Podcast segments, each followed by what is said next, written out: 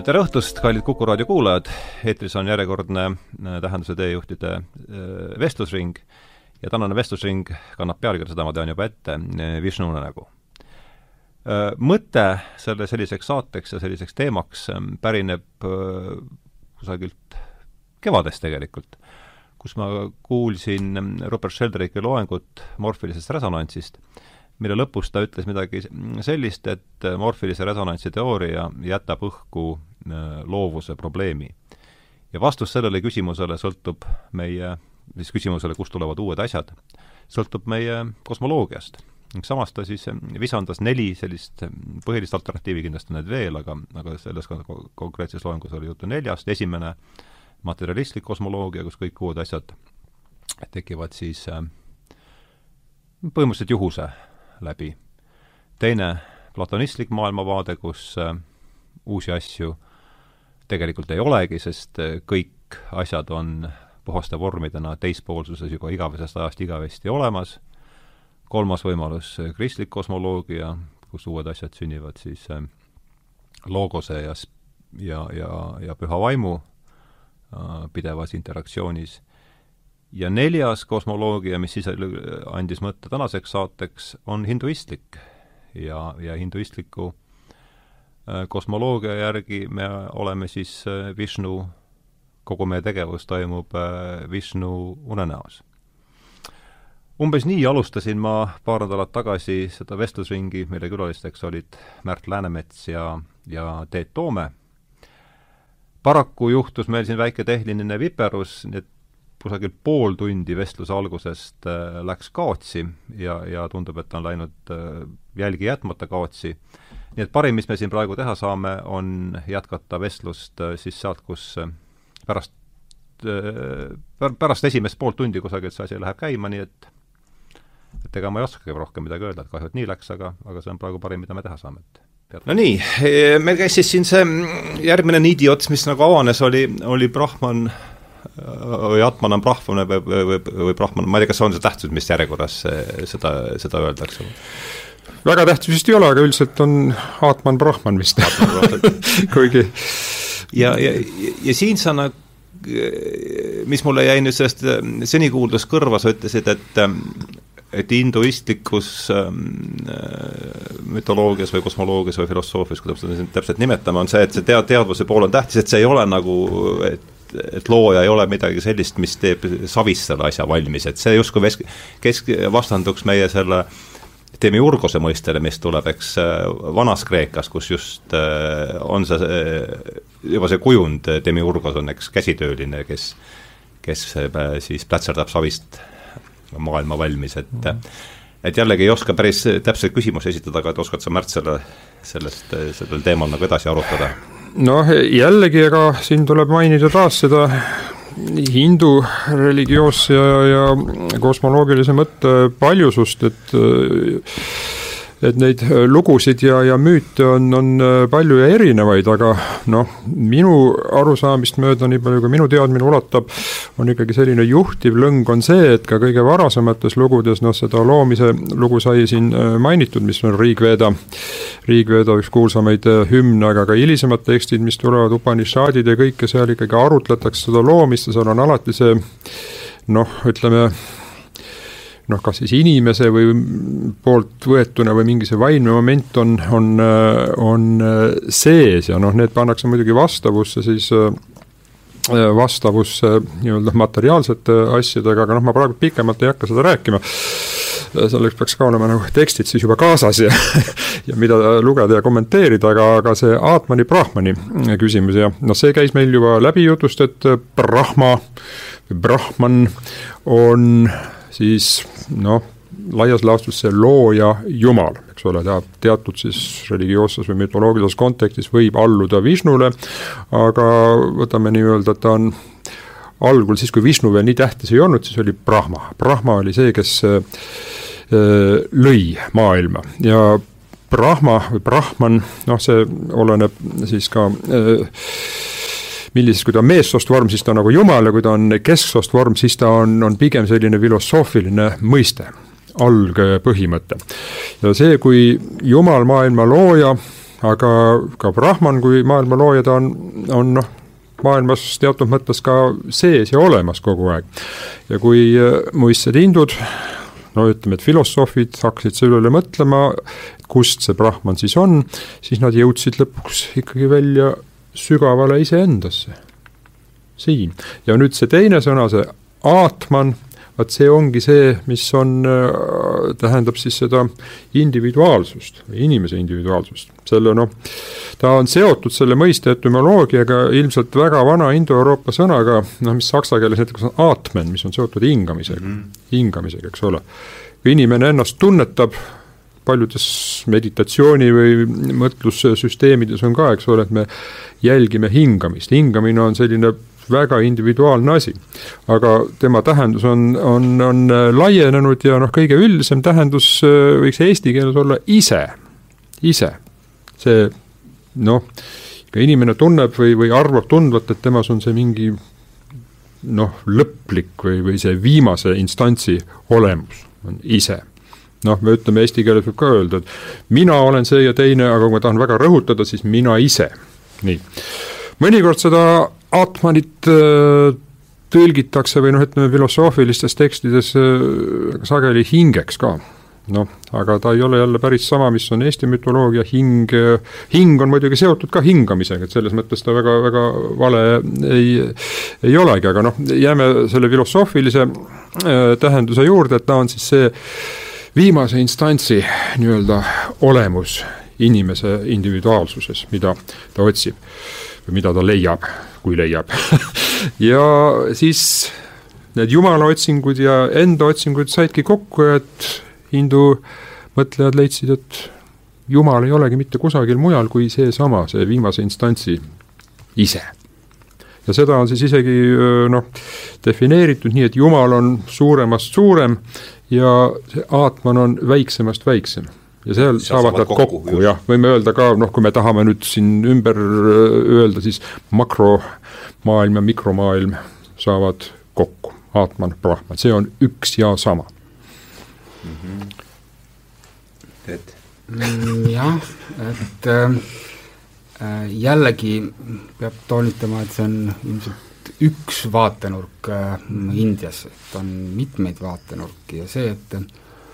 Äh, Aatman ja Brahman on äh, üks ja sama või et see individuaalne olemine ja kosmiline olemine on üks ja sama, saab eriti siis tuuletiibades siis kaheksandal, üheksandal sajandil elanud väga kuulsa India filosoofi, aga ka joogi tegu, tegevuse tõttu, kes oli Shankara või Shankara Acharya ja tema esindab sellist äh, filosoofilist koolkonda, mida nimetatakse Vedantaks. Vedanta on väga palju erinevaid harusid ja, ja see on väga mitmeid äh, läbi väga pika aja äh, olnud koolkond ka, aga just siis Shankara väga, väga jõuliselt ajas seda rida, et, et Atman ja Brahman on üks ja seesama. Ja see on äh, kuidagi jõudnud äh, just nimelt äh, uusaja, ähm, võib-olla isegi uusaja Euroopasse kõige paremini või, või, või jõulisemalt. Ja selle tõttu on me, meie jaoks üks selliseid põhilisi arusaami, et selles hinduistlik filosoofia seisnebki kuigi tõepoolest võib leida täiesti väga mitmesuguseid, väga erinevaid seisukohti ka sellesama Shankara äh, arvamuse kohta. nüüd teine asi, äh, mis tuleb ilmselt äh, silmas pidada India mõtlemisest ja vaimsest, vaimsest sfäärist rääkides üleüldse, on see, et kui räägitakse filosoofiast, ja filosoofia Indias on olnud tegelikult väga äh, väga detailne ka ja, ja sugugi mitte ei jää alla ka see hinduistlik filosoofia, võiks öelda, ei äh, budistlikule filosoofiale ega ka siis lääne filosoofiale, me lihtsalt ei tea sellest väga palju. Äh,, seal on väga palju arutletud just nimelt kas või sellesama üle, et kuidas siis selle Atmani ja Brahmaniga on aga teine pool sellel asjal on alati see, et enamik nendest filosoofidest hinduismis ka on sealjuures olnud suuremal või vähemal määral ka joogid või tegelenud joogaga. Mm.. ja, ja suuresti ikkagi see nende filosoofia, isegi kui see on kohati tähte näriv ja, ja, ja väga detailidesse minev ja selles mõttes isegi absurdsuseni äh, detailne võib-olla, on mingisugusel määral põhinev sellel äh,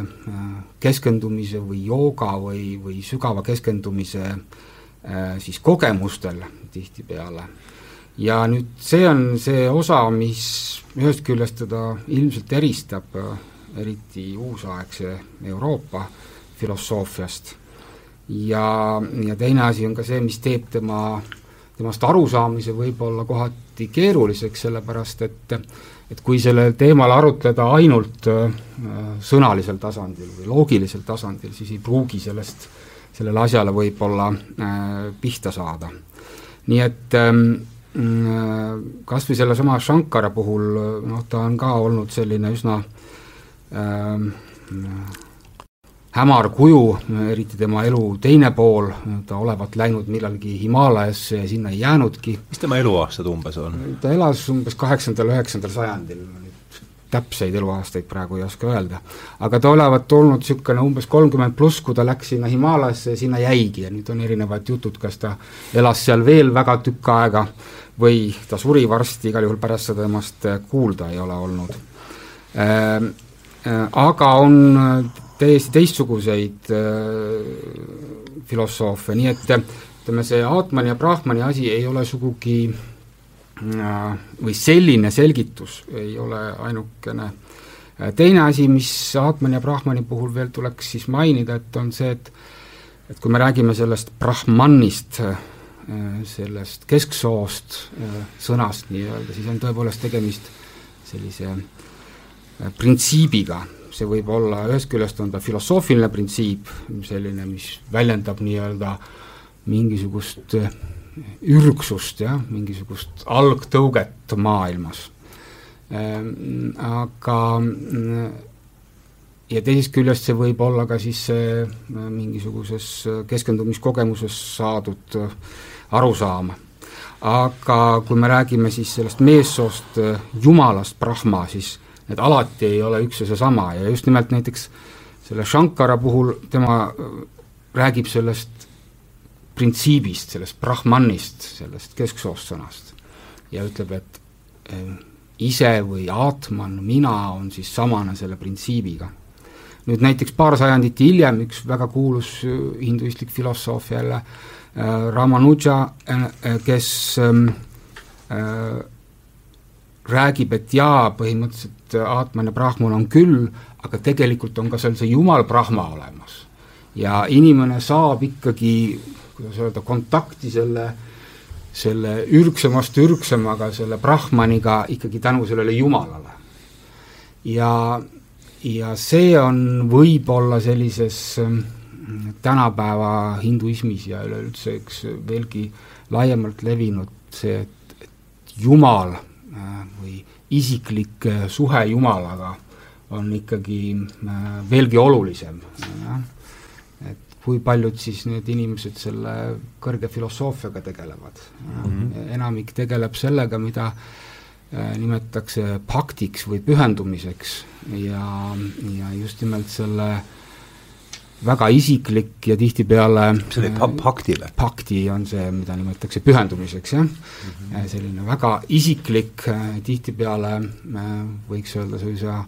armusuhe Jumalaga on, on selline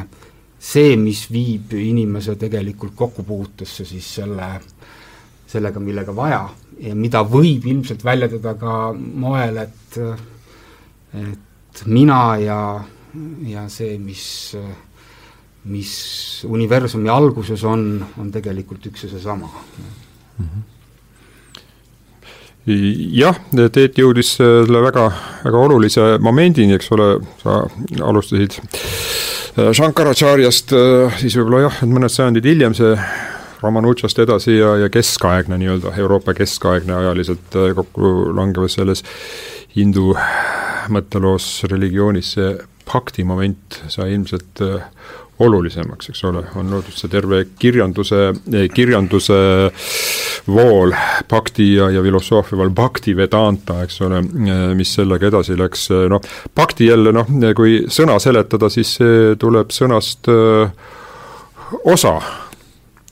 patch on, on jaotama või tükkideks tegema pakti, noh, siis ka kristlastel on väga ilus sõna, see osadus, jumala osadus, et noh, see on mingi analoogia võib-olla, et sa oled jumala osa, osa, osaduses, noh, on ka kristlikke sekte, kus seda jumala armastust väga-väga toonitatakse, aga hinduismis ja just eriti selles Vishnuismis, Vaishnava, seda noh, Indias nimetatakse Vaishnava, mis tuleneb Vishnu sõnast, Vaishnava on siis see Vishnuism. eriti seal on, on see siis tõesti väga oluline, et, et sa noh, noh, mina ei ole selles nii-öelda vaimsas praktikas, nagu tänapäeval öeldakse, sees olnud, ma ei, ei tea, kuidas see käib, aga no ilmselt ikkagi ekstaasi kaudu seal lauldakse ja tantsitakse ja ja igasugu asju, et sa leiad Jumala kõigepealt ja siis selle kaudu jah, nagu, nagu Teet juba rääkis, jõuad selle enda ja, ja ülima Jumala ühtsuseni. aga ma võib-olla nüüd vahetaksin natukene teemat või tuleksin äh, tagasi selle äh, juurde, mida ka Teet mainis, eks ole, et, et India mõtteloos, filosoofias ja miks mitte öelda ka teaduses, teaduses, see on ka omamoodi teadus, on just oluline see, et me mitte ei, ei uuri ainult palju nii-öelda eksperimendi ja loogikaga asju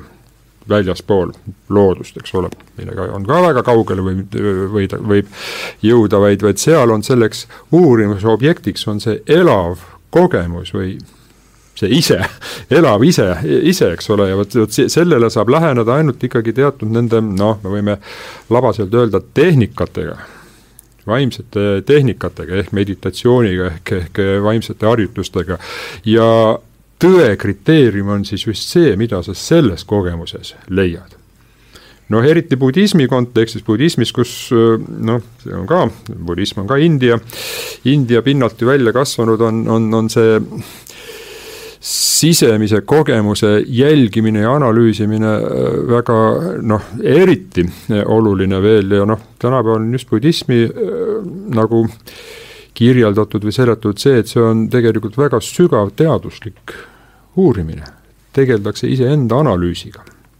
budismis see pakti moment, noh mõnes voolus on ka pakti moment, on oluline, aga, aga valdav see, see, mida Buda õpetas, see on just see, et sa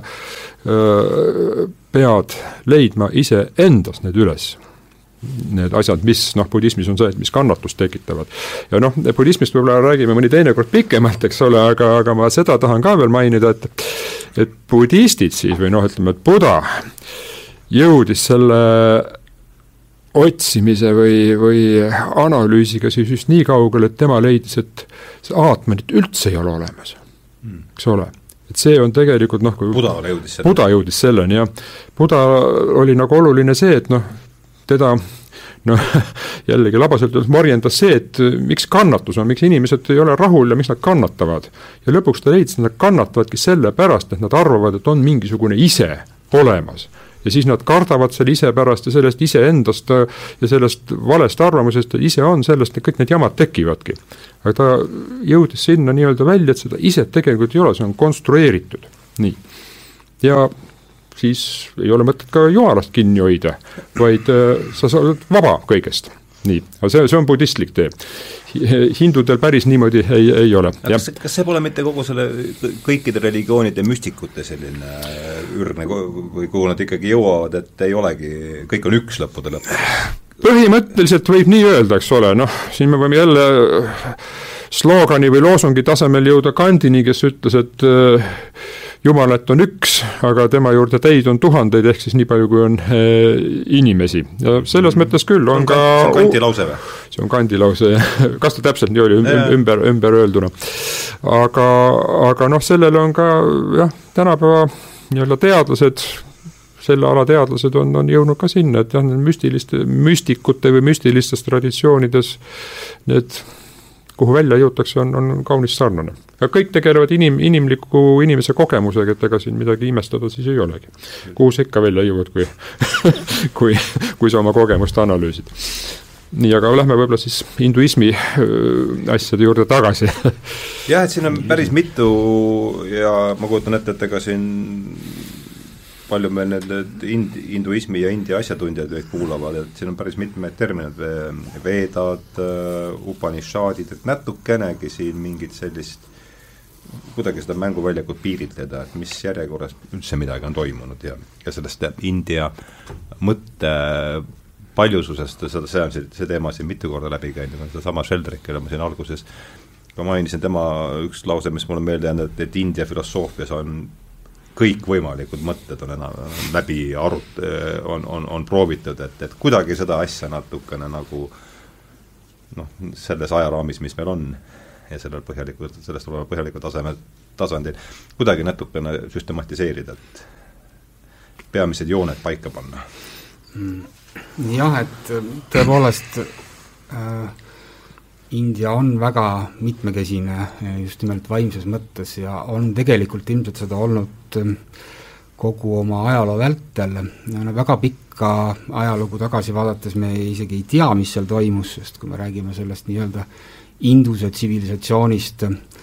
mis oli umbes neli tuhat aastat tagasi võib-olla, siis sellest me väga ei tea, aga sellest ajast, kui tulid äh, aarialased ehk indoeurooplased Indiasse, mis oli siis kolm tuhat, kolm tuhat viissada aastat tagasi, umbes äh, sellest on tõepoolest teada siis need esimesed äh, tekstid, mida küll algselt suuliselt meeles peeti, veedad. nüüd veedadega on see, et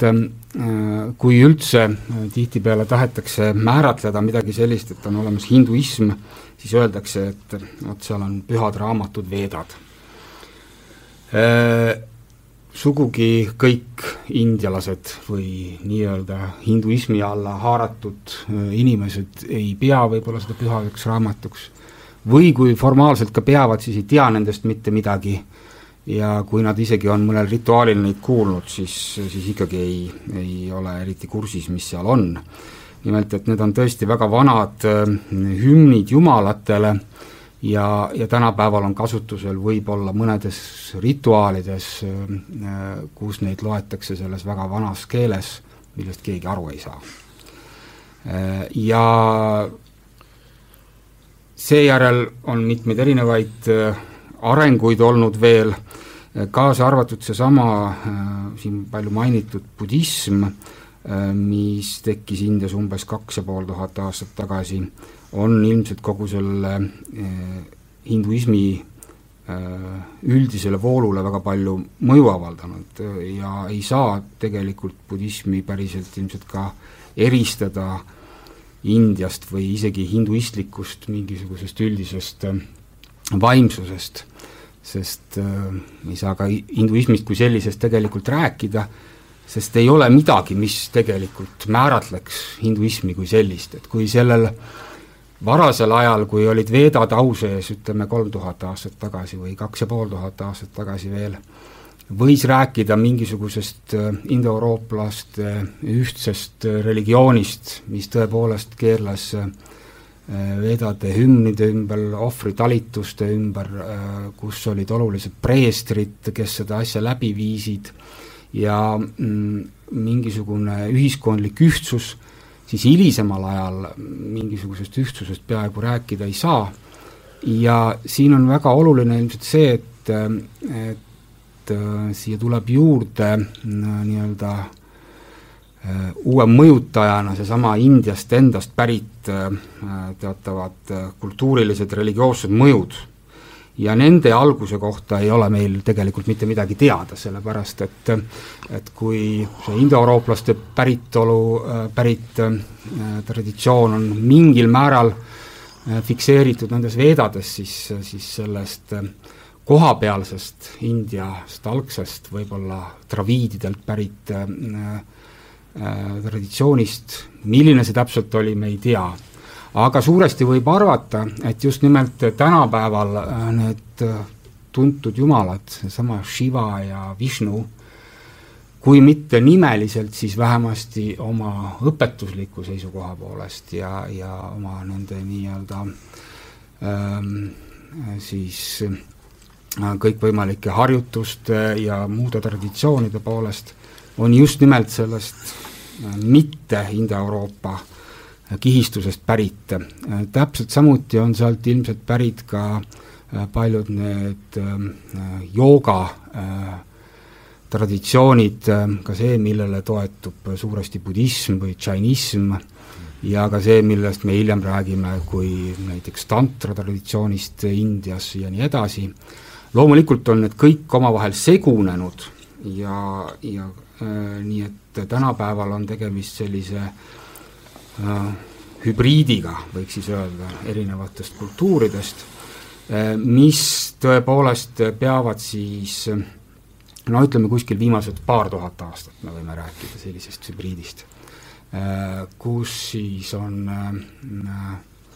tõepoolest tavaline indialane tavaliselt järgib ühte jumalat, selleks võib olla Vishnu või Shiva või näiteks jumalannadest Durga või Kali või lihtsalt jumalanna Devi nimetatakse. ja, või on väga palju kohapealseid nii-öelda külajumalaid või jumalannasid, keda, neid on tõesti ilmselt loendamatu hulk Äh, keda tegelikult austatakse. Mm, äh, see kõik ei ole omadega vastuolus üldsegi, sest ühele tõelisele hindule ühes jumalas peegelduvad kõik teised ja, ja seal mingisugust vastuolu ei ole. Äh, ainukene asi võib-olla on siis teatav selline maailmapilt, mis neid seob, jah, ja see maailmapilt on see, et et näiteks on olemas teo ja teovilja seadus või see, mida me nimetame karmaks või, või karma ja tegu ja tagajärjed. või võib-olla seesama teatav äh, kosmoloogia, et äh, maailmad tekivad ja hävivad, jah. ja on niimoodi tekkinud ja hävinud juba alguseta ajast saadik ja ilmselt see asi ka jätkub edaspidi. Äh, ka need jumalad on teatud mõttes ainult mingisugused, mingisugused tegutsejad kogu selles maailma tekkimise ja, ja, ja lõppemise kaskaadis Äh, aga mis puudutab väga konkreetseid õpetusi, konkreetseid meetodeid, tehnikaid, äh, kuidas jõuda vaimse vabanemiseni, see vaimne vabanemine on tavaliselt kõige olulisem, siis seal valitseb tohutu mitmekesisus ja, ja sisuliselt võiks öelda, et et tõepoolest kõik mõtted on ära mõeldud nii-öelda mm. -hmm ja kui võib, siis ma jätkaksin nüüd äh, ikka sellesama mõttega, et äh, see et India mõtteloos on kõik mõtted ära mõeldud ja segunenud ja, ja mis iganes ja siis tulevad sealt uued viljad, et äh, noh, kui püüda kuidagi nagu kokku võtta, siis äh, äh noh, võib öelda, et ühel või teisel põhjusel see India kultuur või mõte või tsivilisatsioon teatud mõttes ka poliitika isegi, on läinud nagu, on olnud alati selles suunas, et seal ei välistata eriti ole, Euroopas äh, või läänes ütleme noh, ma ei tea, meie mõtteviis on kuidagi läinud sinnapoole, et et palju välistatakse, noh kas või me teame ju, kui äh, esimese kristlaste kiriku kogudel ju arutati selle üle, mis on ikka see õige Kristuse sõna ja, ja mis mitte ja lõpuks jäeti seal mitmekümnest evangeeliumist järgi ainult neli, mis siis kõlbasid kasutada. vot Indias nagu nihukest asja ei ole, kõik, mis on, on alles mõned asjad võib-olla on ära unustatud, kui lihtsalt ei ole noh, järgijaid enam olnud ja hiljem jälle üles leitud, aga et seal nagu sellist asja pole olnud, et äh, ära keelatakse midagi. Ei saagi keelata, kui igal pool on, on äh, noh, äh, mõnes mõttes erinevad kultused ja, ja noh, siis ja ei ole ka niimoodi, et üks jumal võidaks teisi jumalaid, nagu mõne, mõnes traditsioonis on ka, vaid see, ta pigem hõlmab ja noh, Vishnust on meil täna palju juttu olnud ja tuleb veel, et, et Vishnu on just selline, kes selline hõlmaja eh, jumal et äh, kui me räägime seal loendamatust hulgast kohalikest traditsioonidest, äh, mis on kasvanud välja tõesti seal kuskil oma külas ja mis kohati tänapäevani eksisteerivad ainult selles mingis ühes kogukonnas, siis samal ajal teiselt poolt jällegi noh, kui me räägime India kõrgtsivilisatsioonist või noh, niisugune tinglik termin jälle, eks ole, kõrgtsivilisatsioon, noh ikkagi, mis põhineb kirjasõnal ja kus on, on, on äh, kirja pandud pühad tekstid ja, ja, ja, ja nii edasi, siis see on omalt poolt poolt ka jälle nagu noh, jällegi tinglikult öeldes ülevalt poolt mõjutanud ja need kohalikud traditsioonid on nagu sellesse sulandunud, nii et mõni kohalik jumalus jällegi ei ole mingit vastuolu, nad ütlevad, et ahaa, kuskil seal on see suur jumal Vishnu, aga, aga see meie kohalik jumalus on ka nagu Vishnu noh, mitte isegi peegeldus, vaid Vishnu meie juurde tuli ta sellel kujul jälle. Niimoodi, et, et midagi ei, ei ei välistata ja noh, kui me nüüd sellelt teemalt läheme jälle edasi, et, et noh, et kas siis äh, ongi Indias alati olnud noh, kuidas nii-öelda, hõlmav ja rahumeelne siis ega päriselt nii see ka ei ole, kui me näiteks noh, see periood, kui ütleme, et Indias selline filosoofiline dispuut või, või, või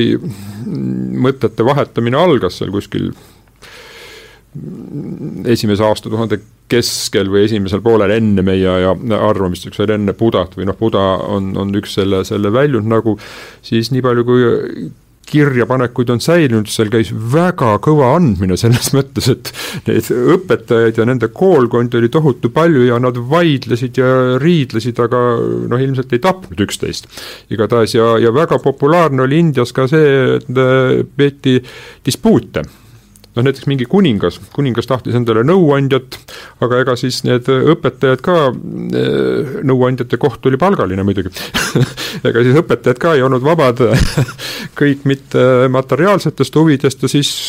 tekkis konkurss, kuningas ütles, vot nii, võtame nüüd need kaks, teie peate omavahel dispuuti, see, kes võidab,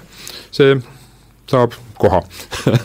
nii, ja, ja sellised dispuudid ja tulised vaidlused öö, olid seal üsna, üsna tavaline. aga jah, jällegi, et noh, no ütleme lihtsustatud variant jah, et kes siis võitis selle mingi ühe kuninga juures debati, see sai koha,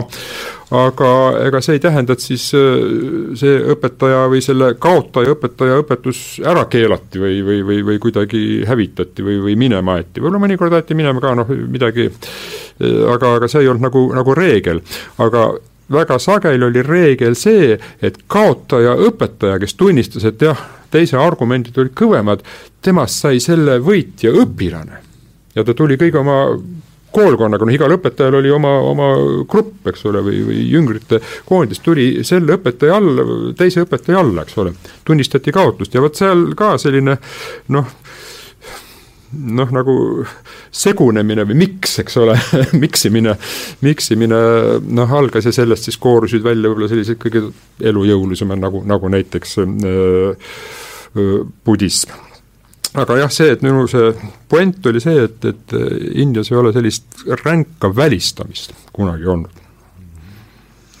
See välistamine tuli jah, ma võib-olla jätkan see, siis kui Indiasse tulid muhameedlased mm, -hmm. eks ole, noh, see oli ka küllaltki vara juba seal kuskil kümme-üksteist sajand hakkasid ja noh, nad tulid poliitilise võimuga muhameedlased, aga isegi noh, muhameedlased sulandusid kuidagi teatud mõttes Indiasse, et ega need võeti ka süsteemi vastu lihtsalt jah, võib-olla sa jätkad. kaks asja selle pealt, ükskord jah, et võib-olla võiks öelda, et Indias on see välistamissüsteem toimunud eelkõige ühiskondlikul pinnal, et ja. ka igasugused ühiskondlikud reeglid on ju tegelikult hinduismi kui nii-öelda religiooni osa kaasa arvatud see meile tuntud äh, seisuste või kastisüsteem ja nii edasi, millest peetakse väga rangelt kinni. aga samas, kui asi puudutab vaimseid asju, siis äh, on seal nii paljudki lubatud ja, ja üldiselt tõepoolest eriti löömaks ei lähe, ja huvitav on ka see, et kui inimene tahab minna vaimsele teele, siis ta põhimõtteliselt on ka nendest äh, ühiskondlikest piirangutest vaba, et kui kui inimene astub välja nii-öelda kõigest, siis ta ja läheb vaimsele teele, siis need ühiskondlikud piirangud talle ei kehti ja talle, temasse noh, ütleme enamasti suhtutakse hoopis teisiti. ja see on ka huvitav seesama, et kui Märt tõi siin näiteks, et kui tuli äh, tuli islam Indiasse kuskil seal kaheteistkümnendal sajandil äh,, siis äh, noh, seal oli palju konflikte loomulikult, noh tegelikult konflikte on ka ennem olnud, eks ole, ka seesama äh, brahmanite juhitud äh, hinduism on tahtnud ikkagi oma võimu säilitada ja siin on olnud konflikte näiteks budismiga varasematel aegadel. Äh,, aga ka selle äh, islami äh, sissetulekuga ei, on olnud väga erinevaid asju, noh näiteks äh, just nimelt sellel kõrgel vaimsel tasandil, kui on tegemist olnud näiteks mõned näited, suurte pühakutega, kes on olnud ühed või teised, siis Kabir näiteks, jah, või veel varasem või hilisemast ajast, üheksateistkümnendal sajandil, kahekümnenda sajandi alguses elanud selline äh, kuulus pühak, kellest siiani väga lugu peetakse Indias Sai Baba, mitte see viimane Sai Baba, vaid see varasem, Shirdi Sai Baba, äh, kes oli, ilmselt keegi ei teagi, kes ta päritolult oli, arvatakse, et ta oli moslemi perekonnast. aga teda austasid nii äh, moslemid kui hindud ja üleüldse kõik, kes tema lähedale sattusid eelkõige, nii et ja kui tema käest küsiti, mida ta, missugust religiooni ta järgib, siis ta pidas seda täiesti mõttetuks küsimuseks üldse. Nii et, et mingisugusel tasandil need, kõik need piirid täiesti, täiesti hajuvad Indias ja tõepoolest ka ei ole ei islami ega hinduismi vahel. äh, mingeid piire mm. -hmm ja noh, kui see sallivusest või veel rääkida, siis tegelikult see ikkagi ka noh, nii poliitilisele või ühiskondlikule tasandile jõudis välja, sest et India ajaloost on teada noh, mitte küll kõik, aga, aga nii mõnedki suured valitsejad, keisrid, kes on äh,, ei ole ka valinud poolt et vot mina olen budistlik keiser ja ma kaitsen ainult budiste, vaid nad on kuulutanud ka välja, et me kaitseme kõiki usundeid või, või õpetusi, mis siin on, noh alates Ashokast kolmandal sajandil, kes oli esimene India keiser, noh tema oli küll, või vähemalt teda esitatakse sellise tugeva nagu budistliku äh, valitsejana, et ta võttis budismi printsiibid omaks, aga, aga noh, nii palju, kui on nagu kaudsed andmed jõudnud ta, ega ta teisi siis ka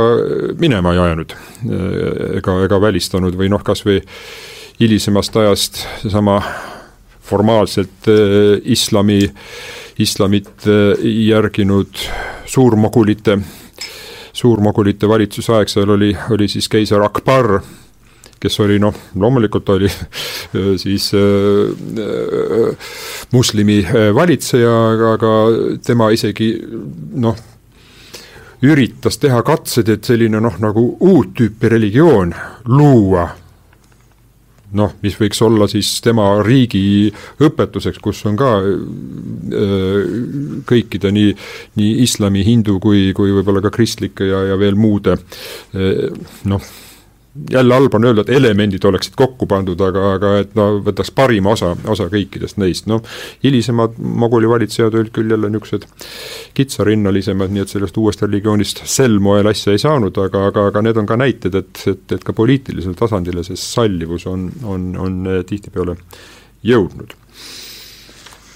ma lihtsalt panin siin kirja, ma arvan, et Teet vist ütles seda, et äh,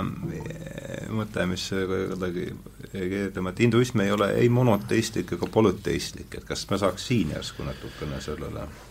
Noh, selle ümber me oleme siin küll pöörelnud, jutt on no ma pidasin silmas eelkõige seda, et äh, kui räägitakse monoteismist, siis äh, no Euroopa kontekstis, kust need terminid ju pärit on, mõeldakse neid äh, neid semiitlikke või semiidi päritolu religioone, eks ole, juutlust, kristlust ja islamit, et kus on üks jumal nii-öelda, või peaks olema vähemasti üks jumal, kui kristluse puhul vahetevahel seal on mõnedel kahtlusi. aga kuidas selle kolmainsusega ikka on siis, et ja siis teine vastand sellele tavaliselt on polüteism, mis oleks nagu selline, no kuidas öelda siis, selline Kreeka tüüpi religioon, kus on äh, palju jumalaid ja neil on omavaheline teatav hierarhia ja, ja aga nad kõik nagu esinevad koos ja tõepoolest äh, ähm, tõepoolest on mitu, mitmed jumalad ja, ja, ja omavahel sobitudes. nüüd, kui me räägime Indiast, siis ma tahtsin öelda seda, et et, et seal on palju jumalaid, noh, sellest on mitu korda siin juttu olnud aga samas, kui keegi järgib mõnda jumalat, siis ta järgib seda sisuliselt kui monoteist peaaegu mm. -hmm. selles mõttes, et ta järgib ühte jumalat, enamasti mm. -hmm. aga tal ei ole mingi probleem, et seal on ka teised jumalad seal kõrval okay.. et teised jumalad võivad olla selle ühe jumala väljendused või, või, või mis iganes, või nad võivad lihtsalt seal kõrval olla ja see, et ta käib põhiliselt noh, näiteks ütleme Shiva templis, aga vahetevahel eksib ära ka mõne jumalanna templisse või, või veel enam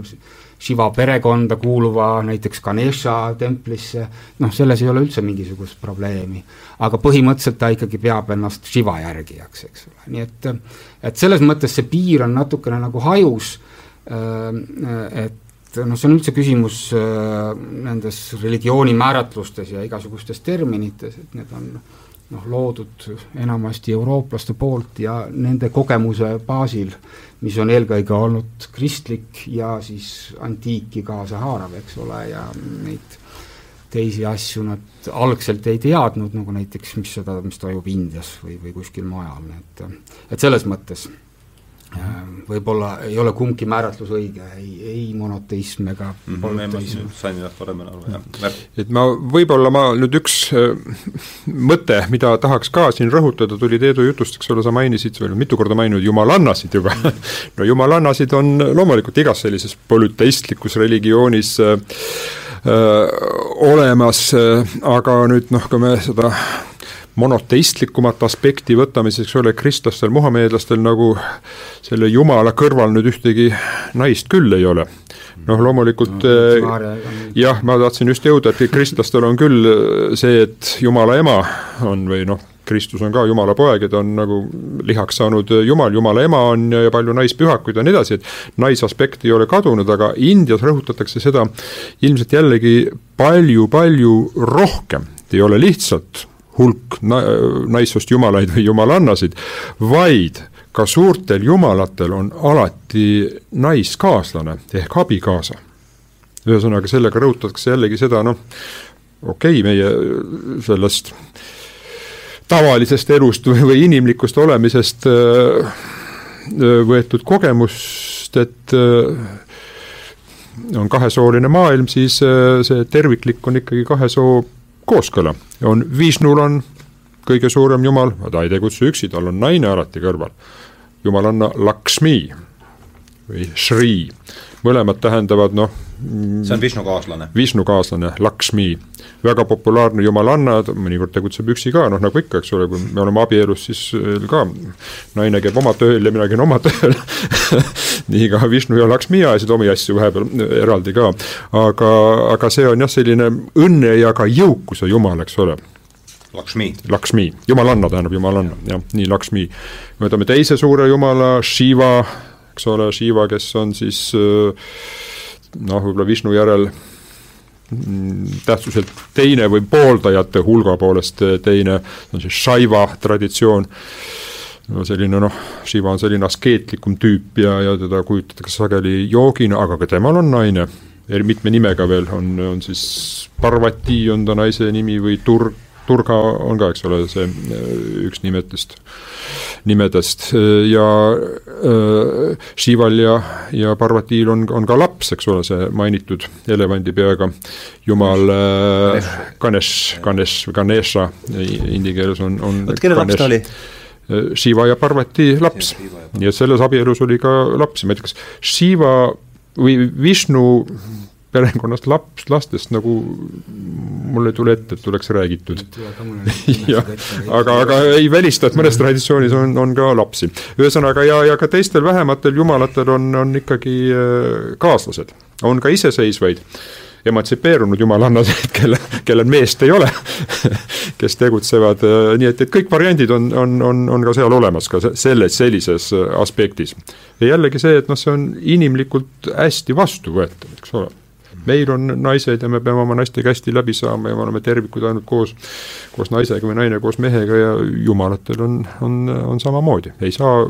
seal maailma luua või valitseda, kui sa üksipäini vana poiss jah, see on tegelikult väga huvitav asi, et on äh, see, et kui on meesjumalused, siis enamasti, vähemasti need põhilised jumalused, siis neil on nais, äh, naispool alati olemas ja naispool on väga oluline. Äh, mõned väga, mõned erandid on see ahvjumalus Hanuman, kes on tõepoolest äh, Äh, kes on tõepoolest tsölibaadis, kes, kellel ei ole naist, aga tema on niivõrd seotud äh, jumal raamaga, et, et ilmselt tal ei ole, tõepoolest on pühendunud raamale, eks ole, ta ei, tal ei saa olla enam naist seal kõrval. Aga samas, kui rääkida jumalannadest, nendest jumalannadest, kes siis eraldi või üksinda esinevad või kes ei ole otseselt äh, äh, kuidas siis öelda, nende suurte jumalate, meesjumalate kaaslased, siis nendel jällegi ei ole meeskaaslasi, nemad võivad täiesti üksinda olla, seesama Turga vahetevahel ta on tõesti abikaasaga, enamasti ta esineb üksinda, ta, ja tal ei ole kedagi seal kõrval, või Kali või Taara või või kes iganes, need äh, suured jumalannad on äh, täiesti üksi tegutsevad. ja äh, mis on väga huvitav muidugi, on, on see, et ähm, et siis need jumalannad, tihtipeale neid kujutatakse äh, kahel erineval äh, moel, et nad on ühest küljest, jumalanna on emakuju muidugi ja väga hoolitsev ema. Ja teisest küljest nad on väga äh, võimsad äh, ja suisa verejanulised, võiks öelda, sellised karmid ja sõjakad jumalannad, seotud kõikvõimalike mustade jõududega. üldse on huvitav see, et kõikide nende suuremate jumalate puhul on äh, ilmselt nendesse kokku pandud mitmeid erinevaid äh, kujusid, nii nagu need suured jumalannad siis on ühest küljest armastavad ja hellad emad ja teisest küljest verejanulised sellised väga tumedad äh, jumalannad, see, et nad on verejanulised, isegi on konkreetselt see, neile tuleb ohverdada. Ja see ohverdamine on tihtipeale seotud tõepoolest verega. Äh, samas kui need, need malbed jumalannad, kes on äh, suurte jumalate kaaslannad, need on jälle väik-, väga malbed, neile ohverdatakse ainult piima ja mett tavaliselt või midagi taolist, jah. siis äh, et, et kõikidel nendel jumalatel, suurtel jumalatel ka on väga erinevaid kujusid, väga erinevaid aspekte, et kui siin äh, Märt mainiski, et Shiva on eelkõige askeet, aga teisest küljest on ta ka, teisest küljest on ta ka korralik pereisa, eks ole, kuigi natukene, natukene selline temperamendikas pereisa ja väga armukade, nimelt see, miks ta pojal on elevandi pea, on ju ka sellepärast, et ta tuli ükskord koju ja nägi, et tema äh, naine on seal koos ühe teise mehega. Ja ei saanud aru, et tegemist on tema enda pojaga. Ja siis ta lõi sellel pojal kohe pea maha, aga pärast kahetses seda ja siis ütles, et saagu see pea kõige esimesel olendi pea, kes talle vastu tuleb. Ja vastu tuli elevant ja siis ta pani elevandi pea oma pojale asemele.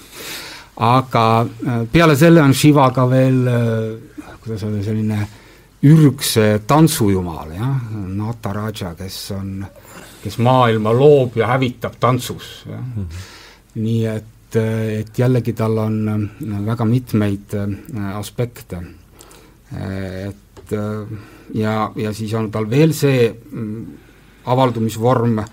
mille, mille tõttu Shivat võib-olla üsna tihti teatakse, ehk ta esineb lingami kujul, ehk siis mida peetakse meessuguelundiks ja koos, koos naissuguelundiga, kus nad siis sümboliseerivad jällegi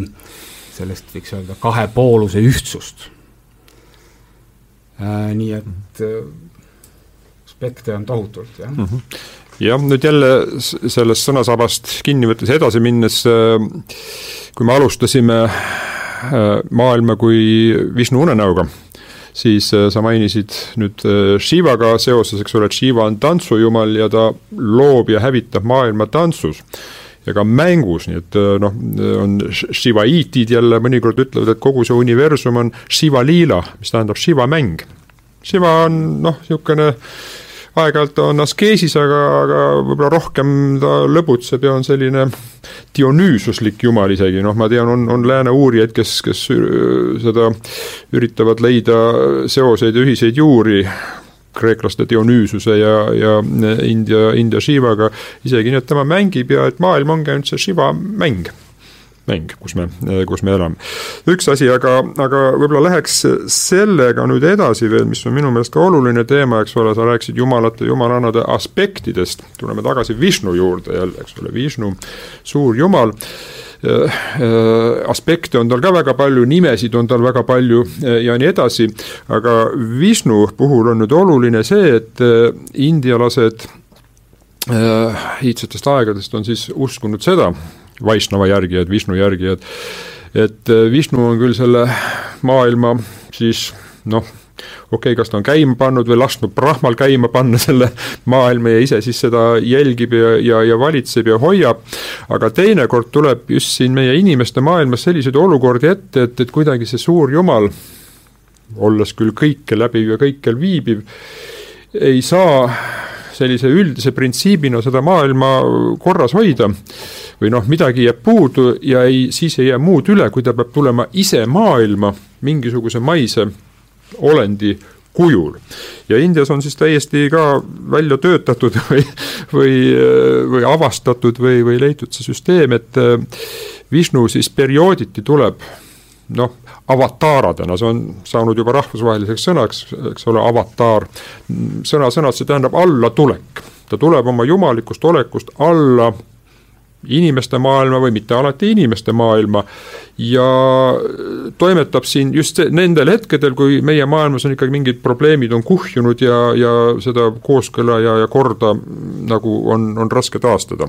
ja indialased siis usuvad, et Vishnul on no ütleme, et siin meie selles hoomatavas ajastus on kümme avataari ja huvitav on jah see, et, et esimesed avataarid ei ole üldse inimesed, vaid loomad hoopiski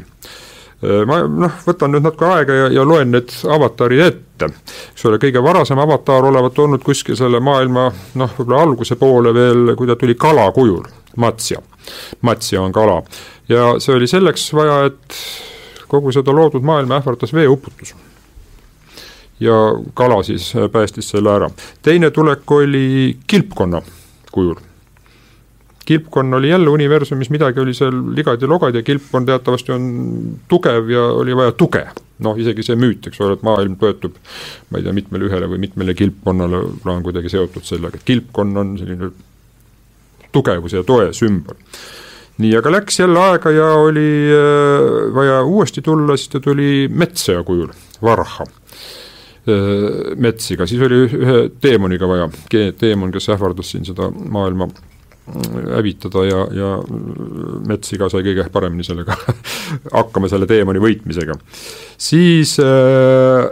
tuli ta,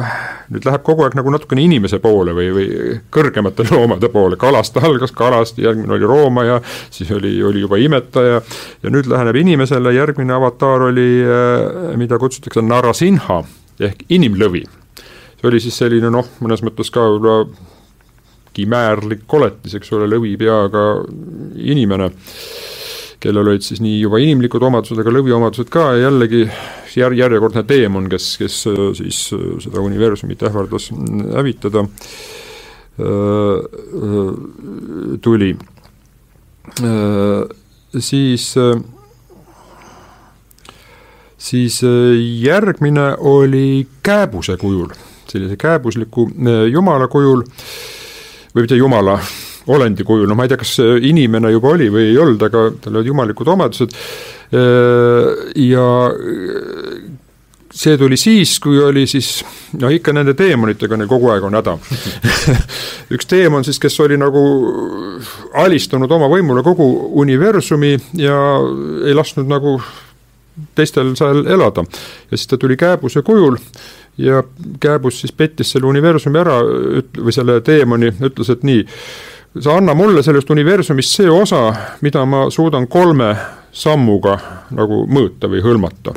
siis vaatasin, noh, kääbus, muidugi annan, eks ole, mida, aga no, tal olid jumalikud Vishnu võimed, ta kasvas nii suureks, et kolme sammuga astus ta kogu universumi, aga sõna tuli isegi teemonil pidada ja kord sai jälle majja, läks Vishnu võimu alla siis järgmine oli juba päris inimlik kuju, oli siis, keda nimetatakse Parashurama, kirvega raama. siis oli juba inimühiskonnas vaja, vaja korda luua ja ta oli niisuguse noh, veel üsna robustse kirvega? Raama, Raama, Raama on nimi tuli sellel kujul ja siis järgnevad kaks võib-olla kõige olulisemat ja kõige rohkem austatumad, lausa omaette jumalatena austatavad need avataarid, üks neist oli siis Raama see eepiline kuningas, kes on eepose Raamajana peamine kangelane, ühesõnaga, eks siis no võib-olla kõige populaarsem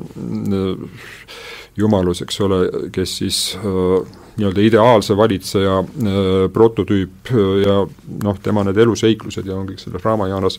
kirjas, ma ei hakka neist praegult äh, rääkima, aga noh, jällegi, et kui maailmas valitses selline ebatasakaal, siis see Raama või Vishnu tuli selle kuninga kujul juba otseselt ühiskonna ellu sekkudes, et siis neid õigeid printsiipe, õiget dharmat taastada. ja siin oli mainitud jah, see ahvikujuline jumal, siis oli Raama ustav abimees, sõjamees, kes siis aitas ka noh, võiks öelda vägivallaga. see, see ahvikujuline jumal? ahvikujuline jumal, Hanuman, Hanuman, Hanuman. Hanuman. nii, siis eh, järgmine avataar on jällegi ääretult populaarne Krishna, Krishna, kes oli noh, ei oskagi öelda, kes ta on, tema ei olnud sõjamees, ta oli selline lõbus tüüp ka. Noorena kujutatakse teda selliseks naistevõrgutaja ja pillimehena ja igasugu asju, aga kõige tähtsam on see, et ta oli äh, siis äh, teises eeposes Mahabharatas, sealt pärit kuulsa teksti äh, Bhagavad Gita, Bhagavad Gita sees siis ta oli õpetaja, kes õpetas seal ühte teist sõjameest Arjunat, kes oli kõhklus oli haaranud teda, ta ei teadnud, mida teha ja vot Krishna siis õpetas. ja Krishna on siis ka avataar. ja nüüd jõuame jälle selle sellise mittevälistamise ja sallivuseni, sallivuse momendini, nagu öeldud, kuskil kaks pool tuhat aastat tagasi ka tegelikult jah, kas Raama ja Krishna on tegelikult elanud, see ei ole päris kindel, aga arvatakse, et vähemalt Krishna tõenäoliselt on ja Raamal võib olla ka mingi prototüüp kuskil vanemas ajaloos. aga siis äh, tuli Indiasse selline õpetaja nagu Buddha eks ole, kes siis noh, nagu me ütlesime, ta teatud mõttes eitas tema on ka Vishnu avatar siis, jah? nii, jah, tema on ka Vishnu avatar. ja, ja miks ta on, eks ole, teatud mõttes ta oli nagu antagonistlik sellele varasemale brahmanistlikule õpetajale, ta eitas mm. aatmanit, eks ole, ja, ja tema eitas ka kastisüsteemi, eks ole, et kõik inimesed on võrdsed võrdsed, isegi naised eh, peavad saama eh, seda õpetust ja noh, võiks öelda, et oli noh, mõnes mõttes nagu võiks ette kujutada konflikti seal. aga hinduistid lahendasid selle asja jälle sellega, et okei okay,, ta oli ka Vishnu avatar, Buda. nii, oli vaja maailma sellist vaba, vabanemis- või vabastumisõpetust ja, ja Vishnu tuli Buda kujul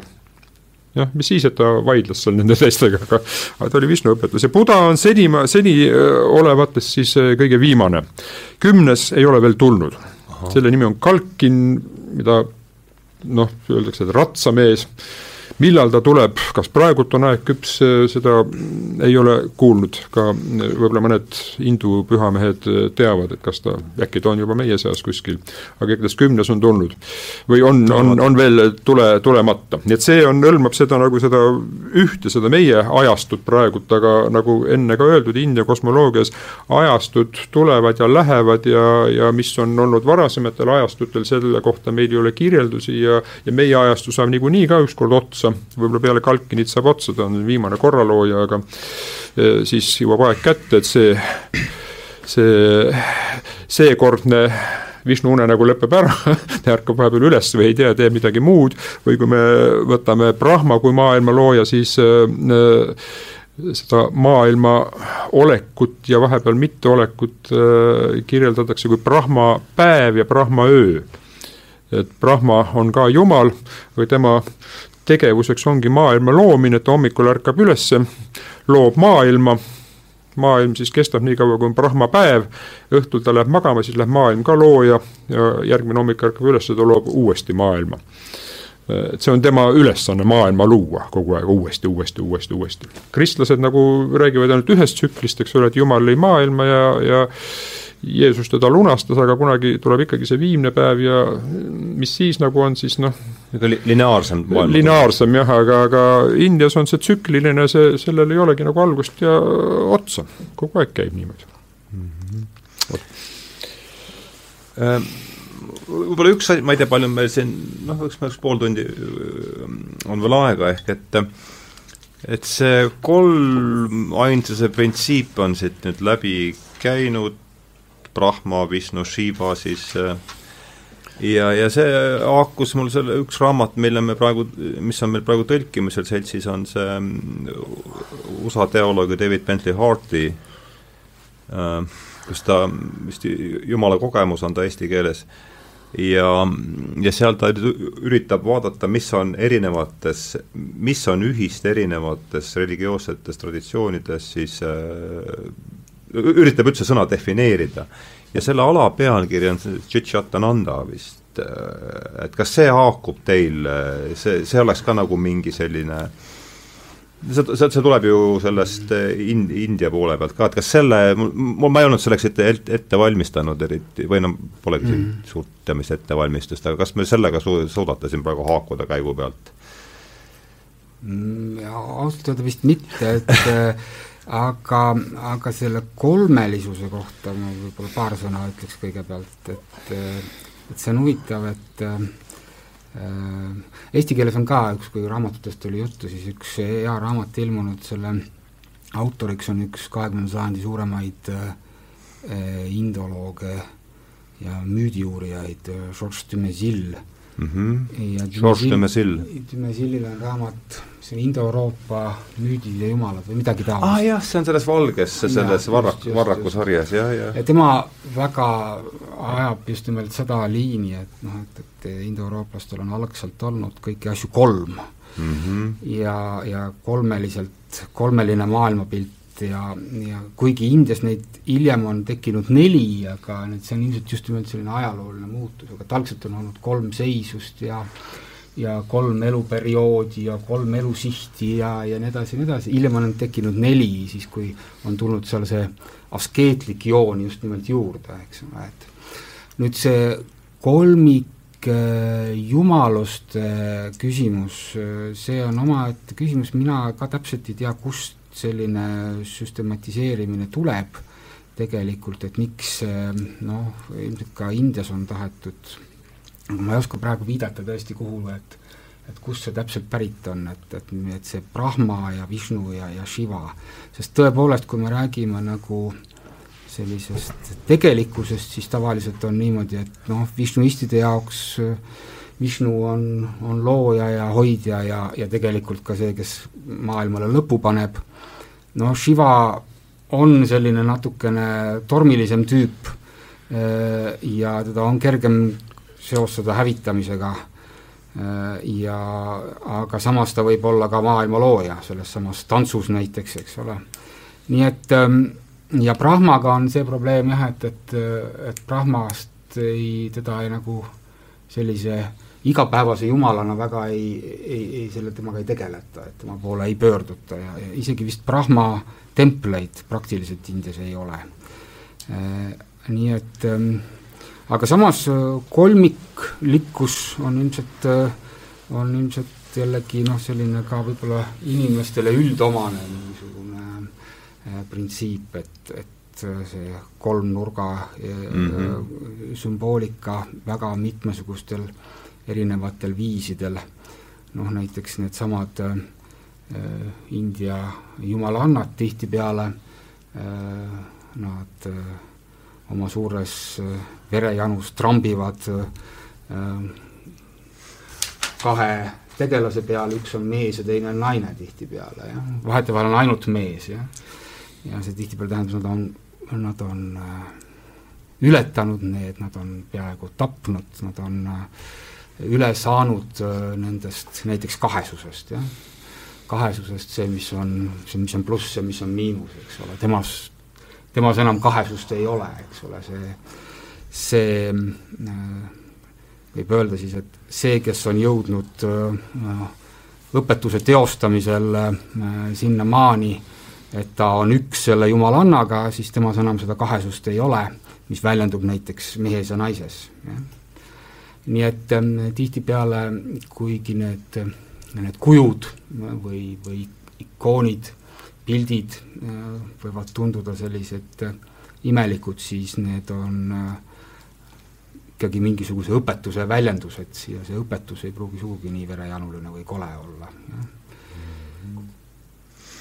kui seda kolme ainsusega jätkata, et siis noh, jällegi nii vähe, kui mina sellest aru saan, üks võimalus sellega tõlgendada, et see üks, see esimene oleks ja, ja ma tahaks küsida, uurida, palju see teie selle India kogemusega haakub, et see esimene oleks, mis kristlikus, kristlikus kosmoloogias siis isa oleks ground of being, ma ei oska öelda, kuidas seda, kuidas te seda üldse eesti keelde tõlgiksite, no see, see ingliskeelne väljend on ta kuidagi äh, kauni kõlaga ja, ja, ja päris paeluv, et ground of being, et mis see noh, olemise alus, alus., olemise alus jah mm, -hmm. olemise nurgakivi, et siis see on üks jumala omadus, siis on see logos, diskreetsed vormid, millega siis sellest, sellest olemise alusest lõigatakse välja need objektid, mida me näeme ja siis jällegi kristlikus kosmoloogias püha vaim, mis on siis see muutumise muutumise printsiip seal siis sellele olemise põhjale ja, ja, ja, ja ma ei tea, kas see logos poeg siis jällegi kristlikus kosmoloogias, et et kuivõrd see nüüd, et kui me nüüd üritame sellise mudeliga minna sinna kallale või, või ma ei tea, filtriga, et kuidas see nagu selle äh, India poolega, et kas, kuidas see India äh, supp selles, sellesse vormi mahub? jah, see on hea küsimus ja seda on, on ilmselt põlvkonnad lääne inimesi ja, ja uurimisi küsinud ja, ja, ja püüdnud noh, see on ka inimlik joon, et me tahame kõiki oma tuttavale asjale Just, kohandada. mis meil üle jääb, nii väga. kui me leiame nüüd Indias selle trimurti mm. ehk kolme näolise jumalate komplekti, siis me tahame kohe hakata äh, vaatama, et äkki annab kuidagi kompunnida. noh, äh, jälle, kui me enne juba mainisime siin, et äh, erinevates nii-öelda müstikatraditsioonides jõutakse nagu kuhugile sarnase vabanemiskogemusena, kus, kus ei olegi enam, enam midagi, siis noh, ma ei ole jälle jah, väga tugev asjatundja nende kolmainsust alal, aga, aga kui natukene teoritiseerida, siis äh, mingeid kokkulangevusi võib olla, aga, aga ma arvan, et sellega peab olema väga-väga ettevaatlik, eriti kui sa nagu üritad noh, tõesti mingit komparatiivistlikku mudelit või teaduslikult äh, äh, läheneda, et, et see Trimurti Indias see, Trimurti on nüüd mis asi see? see ongi noh, see sõna-sõnalt on kolm, sa murtid nüüd tõlgiksid raske, et no ütleme, et kuidas? kolm kuju lihtsalt. kolm kuju jah, ütleme, et see on nüüd need kolm jumalat, millest on juttu olnud, Brahma, Vishnu ja Shiva. on selliseid noh, ikonograafias, kus need kujutataksegi koos, selline mhm. Kolmenäoline skulptuur või niimoodi. et see ei ole minu meelest vähemalt kindlasti see,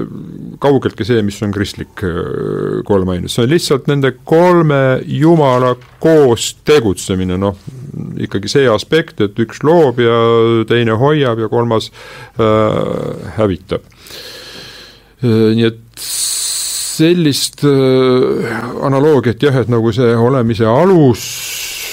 loogos ja püha vaim on küll väga raske leida. seal on võib-olla väljendub teistmoodi, eks ole, me alguses äh, rääkisime jah sellest, et, et Indias mingit loomist ja ja ei saa olla väljaspool seda noh, teadvust või, või, või, või, või psüühilist momenti, kõik see käib noh, mingisuguses noh, et kui me üldse uurime midagi või, või tahame teada, siis ainult selle iseenda või Aatmani kogemuse või, või ka Aatmani kadumise kogemust, aga ühesõnaga elava kogemuse jälgimine, aga see ongi, ongi nagu see teadvuse äh, moment on alati juures, noh, ma ei tea, kas see võib olla analoogiline püha vaimuga või, või, või, või mitte, et äh, noh, kristlastel kuskil midagi on ka, et, et see, see komponent on alati ikkagi äh, juures, aga jah, ma lõpetaksin parem praegu selle arutamise ära, kuna mul ei ole äh, nagu mm, väga kindlat ta, ta oli niisugune spe-, jah, niisugune -hmm. spekulatiivne ja ei pretendeeri siin teaduslikkusele sugugi. mul ka ei ole mingit kindlat äh, väidet selle kohta, aga, aga ma tahaks öelda seda, et et äh, kuna Indias on väga palju õpetusi tegelikult, ütleme neid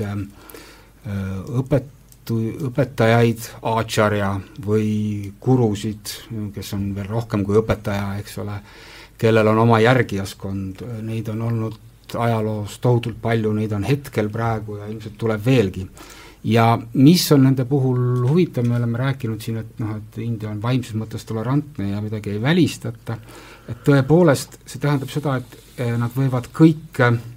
anda nii-öelda oma õpetuse, see õpetus ei ole tavaliselt midagi eh, absoluutselt uut, aga nad võivad olemasolevaid asju interpreteerida teatud mõttes teisiti ja nad tihtipeale interpreteerivad seda just siis noh, kasutades äh, praegusaegset äh, maailmapilti või seda, mida, mida vaja on. nii et ähm, ma selle Trimurti või selle kolme jumala, Brahma, Vishnu ja Shiva puhul ka ei tahaks sellist, mingi kolmainsus see loomulikult on. ja kindlasti võib olla olnud õpetajaid või filosoofe Indias, kes on äh, Äh, ka seda interpreteerinud mingisugusel moel, mis võib olla väga sarnane näiteks äh, kristlikule kolmainsusele või mingile muule kolmainsusele. Ja, ja kindlasti võib olla mingeid väljendusi, mis äh, seda kolmainsust äh, tõepoolest kellegi tõlgenduses edasi annavad, et kas või seesama, mis ma rääkisin, et kui jumalanna seisab ja tema all on kaks kuju, äh, siis ta põhimõtteliselt tähendab, et see, kus temas on ühen-, ühinenud või, või kadunud tegelikult see kahesus, siis see on see mingisugune ürgsus, millest siis tuleb, aga lõpuks temast ka tulevad kaks erinevat vormi välja, see mees või naine või see kaks erinevat poolust, eks ole, äh, see, see maailm nii-öelda. Äh, aga teine asi, mis võib-olla kolmainsusele natukene rohkem vastab, on, äh, on see, mida näiteks budismis, mis ju võib ka natukene, äh, kuna hinduism on niivõrd lai asi, siis seda võib sinna all käsitleda, on, budismis on näiteks kolme äh, ihu kontseptsioon, Buda kolme ihu kontseptsioon. ja, ja seal on see dharmakaja on midagi sellist, mis on niivõrd või see seadmuse ihu on niivõrd algne, mida ei ole võimalik peaaegu üldse käsitledagi, jah. Äh, jah, see, mida, see, mida tajuvad, taipavad, näevad ja milleni jõuavad sisuliselt ainult väga kõrged, vaimselt väga kõrgele jõudnud olendid, sisuliselt budad. Äh, siis on vahepealne öö, äh, osa, mis, mida nimetatakse sambogakajaks ja mis on selline äh, kuidas siis seda naudinguihuks tihtipeale tõlgitakse,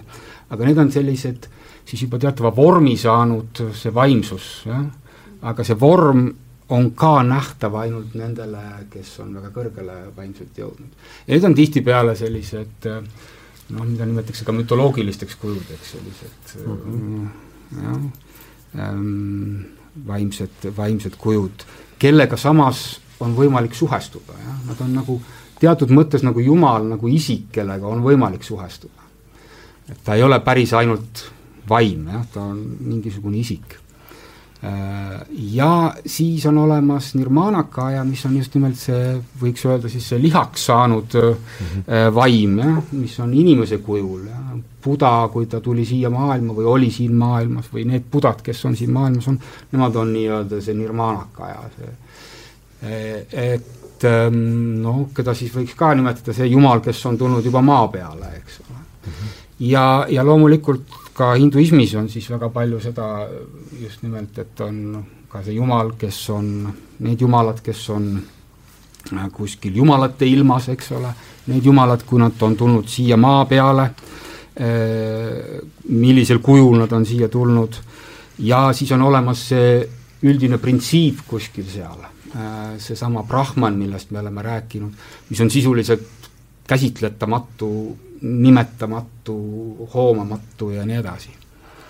Äh, et, äh, et seesama Krishna siin, ma ei tea, Märt vist kohe leiab siit Krishna kohta, et kes, kes samamoodi võis olla inimese kujul, eks ole, ta oli nii alandlik, et ta oli suisa äh, Arjuna vankrijuht, eks ole, autojuht, jah. jah, et äh, mul oli mõte küll nüüd, sa tabasid mu mõtte ära, ma juba hakkasin raamatut lehitsema. et äh, sellest äh, budismi, nii, nii-öelda budistliku kolmainsuse asjast edasi minna, et noh, kuna budism ikkagi kasvas ja sündis ka India pinnal ja ütleme, et see budismi areng, kui see, see kolme keha või kolme ihu kontseptsioon tuli, noh see ei olnud ka Buda algõpetus, see tuli ikka mõnevõrra hiljem ja võib-olla äh, kuskil sama ajakanti, kui see Bhagavad Gita tuli, kuskil meie aja arvamise esimestel sajanditel, mis on nüüd nii-öelda hindu traditsiooni see Bhagavad Gita on nüüd mis asi? raamat. Äh, raamat. aga noh, analoogia on just, just ka selles, et kui äh, budistidel või selles Mahajana budismis oli, oli siis tõepoolest see, et äh, see, kui Buda tuli inimese kujul maailma, siis ta, see oli tema üks aspekt. Buda ei olnud mitte see inimene, vaid Buda on ikkagi see mingi noh, kõrgem printsiip, ütleme siis, olgu siis see tarmakaja või, või see äh, seaduse äh, keha, aga, aga see on, on see, see maailm sel hetkel vajas teda inimese kujul. sest inimesed ei ole võimelised seda kõrgemat asja otse vastu võtma, sellepärast oli vaja inimene, kes inimese keeles nii-öelda seletaks asjad ära. ja, ja Buda seda tegi. aga samas siis ka hindu traditsioonis me rääkisime Vishnu avataaridest, Buda oli ka üks neist, aga Krishna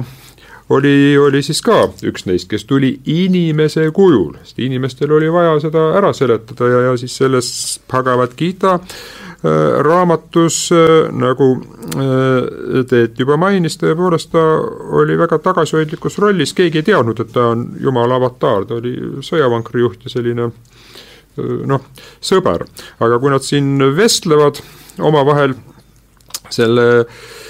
sõjamees Arjunaga, siis see vestlus kogu aeg areneb edasi ja lõpuks tuleb välja, et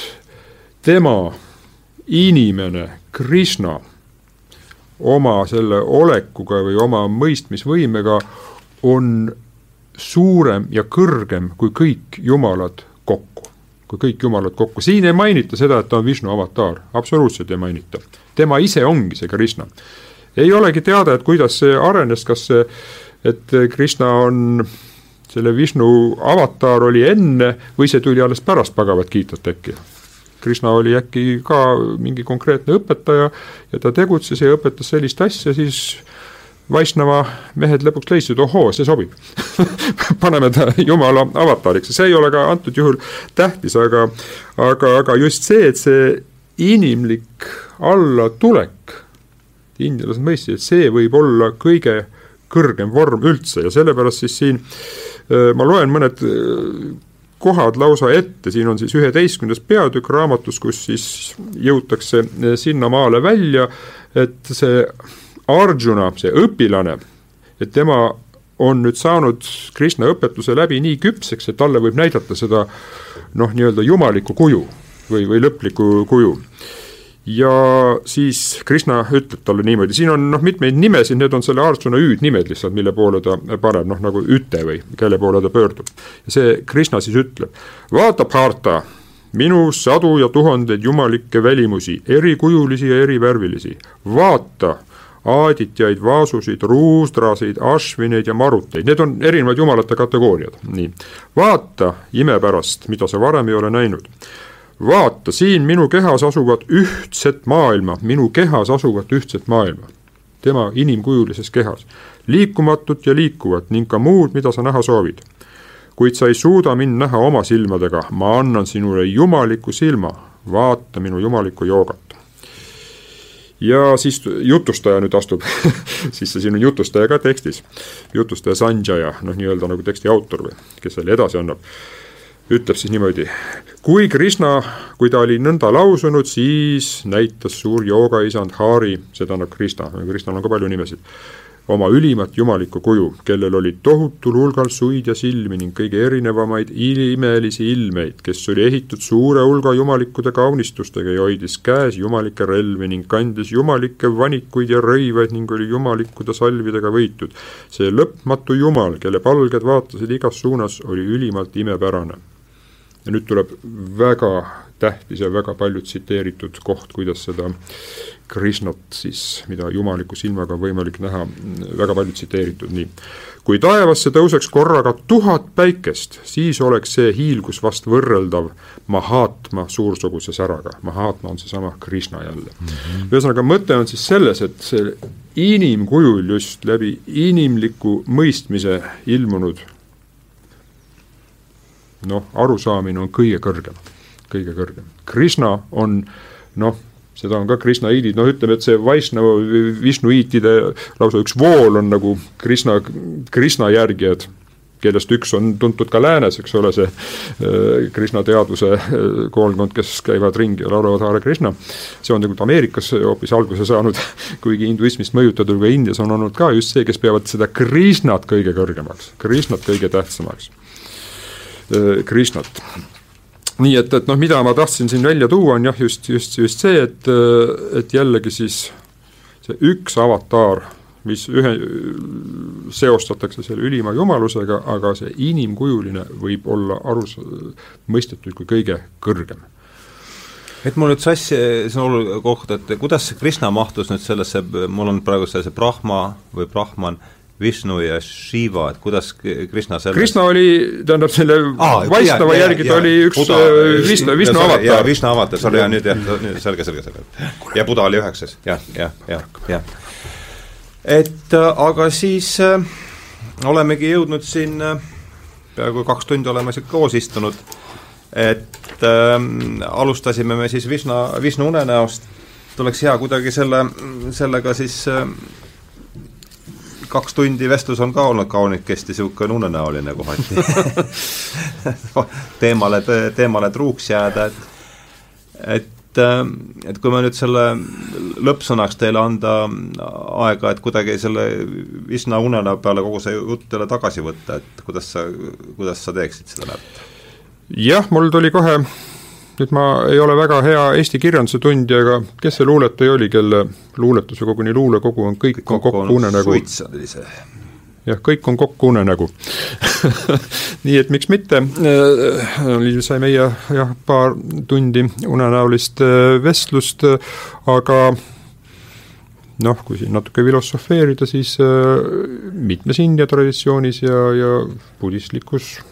joogas on lausa öeldud, et unenägu on üks õppimise ja mõistmise viis ja inimesel on võimalik harjutada nii, et ta just äh, oskab unenägusid näha ja, ja äh, neid meeles pidada ja sealt õppida. nii et miks mitte võtta, kui me räägime, et kogu maailm on, on Vishnu unenägu, siis äh, mõtleme ka niimoodi, et